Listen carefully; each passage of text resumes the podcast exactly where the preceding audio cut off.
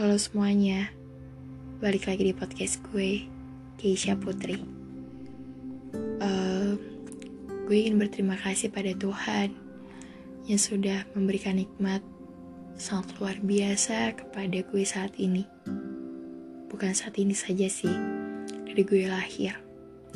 Dan terima kasih kepada teman-teman yang sudah mau mendengarkan podcast yang sebetulnya itu tidak jelas. Iya, tapi thank you so much buat semuanya. Di podcast kedua, gue ingin membahas tentang patah. Sebuah kenangan yang kita tanam dalam benak dan hal di hati seseorang memang tidak bisa lepas begitu saja. Menarik dan lucunya sebuah kisah para manusia dari sekian juta kerumunan orang-orang mengantri dalam mengambil posisi bahagia. Namun ada yang rapuh di kala diamnya ia tersenyum. Sebuah makna berilusikan tinggi yang konon hanya angan belaka tanpa saksi. Ya, tentang patah hati yang terkadang bukan diri sendiri untuk bisa mengobati. Seperti gue contohnya. Mengenal sosok pemilik jambul, tepatnya satu tahun yang lalu, ia menyampaikan pesan hidup untuk terus melangkah dan tersenyum menerima keadaan apa adanya, tidak mengeluh, serta mampu merendahkan ego di depan orang tua. Sosok orang manis tanpa gula, berjaket biru, yang gue buatkan puisi kala itu.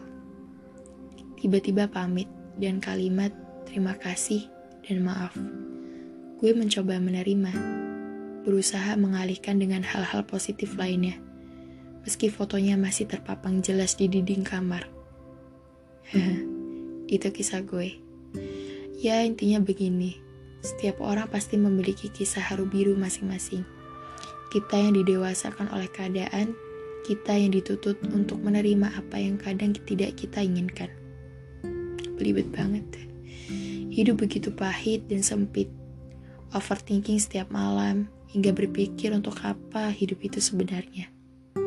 Lucu memang, tapi dari situ berterima kasihlah pada Tuhan yang mengajarkan lewat luka. Karena dengan begitu, kita menjadi orang yang mampu memiliki pondasi kuat. Dunia seperti kopi, namun kesedihan layaknya senja. Dia sebenarnya indah.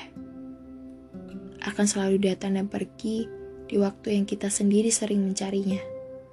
Percayalah, hidup banyak sendaguranya. Namun, hidup itu kuat jika kita mampu berpondasi sesuai apa yang gue bilang tadi. Dengan kalimat is okay not to be okay. Yang patah akan tumbuh dan yang hilang akan berganti.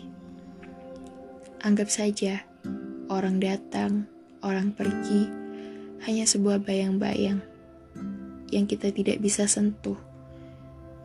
Namun suka saja melihatnya bahkan ketakutan hingga hanya mampu memejamkan mata dan tak menengok kembali.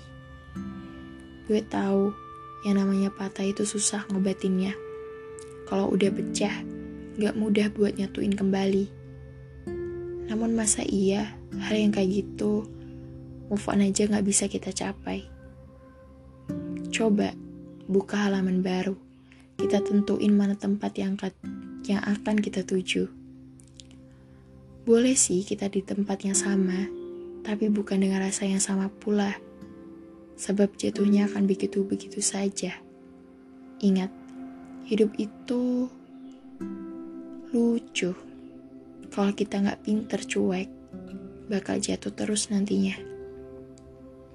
Gue berpesan kepada diri sendiri dan kita semua. Ikhlaskan yang sudah. Jalani hal yang baru. Karena apa yang udah ditakdirin jadi milik kita gak bakal jauh dari kita. Tuhan ngasih apa yang kita butuhkan, bukan sekedar apa yang kita mau. Kalau cuma sekedar apa yang kita mau, belum tentu jadi baiknya. Gue ngerti, yang dengerin podcast gue pasti lagi sedang, lagi sedang.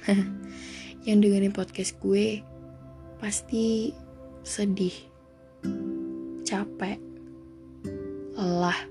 Ya intinya kalian tentunya memiliki rasa overthinking, ingin belajar mengikhlaskan seseorang, move on, tapi susah. Intinya, teman-teman semuanya, asik. Cintai diri kalian. Tuhan memberi ujian tuh bukan berarti gak sayang. Melainkan, ngasih kita pelajaran apa sih makna tegar itu. Iya, tegar itu loh. Ingat, semua akan indah pada waktunya jika kita mampu menghargai diri sendiri dan orang yang selalu mensupport kita dalam keadaan apa pun. Kita punya sahabat, punya orang tua. Gue tahu sih, gak semuanya bisa menerima kita. Tapi yang tahu kita kan diri kita sendiri. Jadi jangan pernah larut dalam kesedihan.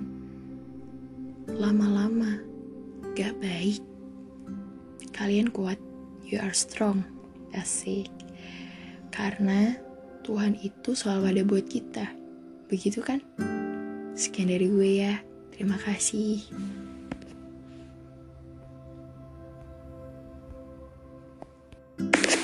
Oh iya, sama satu lagi sih. Gue mau minta maaf. Kalau misal misalkan uh, tadi banyak yang belibet. Terus habis itu ada suara ayam atau suara berisik yang lainnya. Ya maklum sih, cari suasana tenang tuh gak bisa kalau nggak malam hari dan kebetulan nih buatnya dari pagi nggak selesai selesai tag balik lagi tag balik lagi ya udahlah kayak gitu terima kasih ya dadah sampai jumpa di episode selanjutnya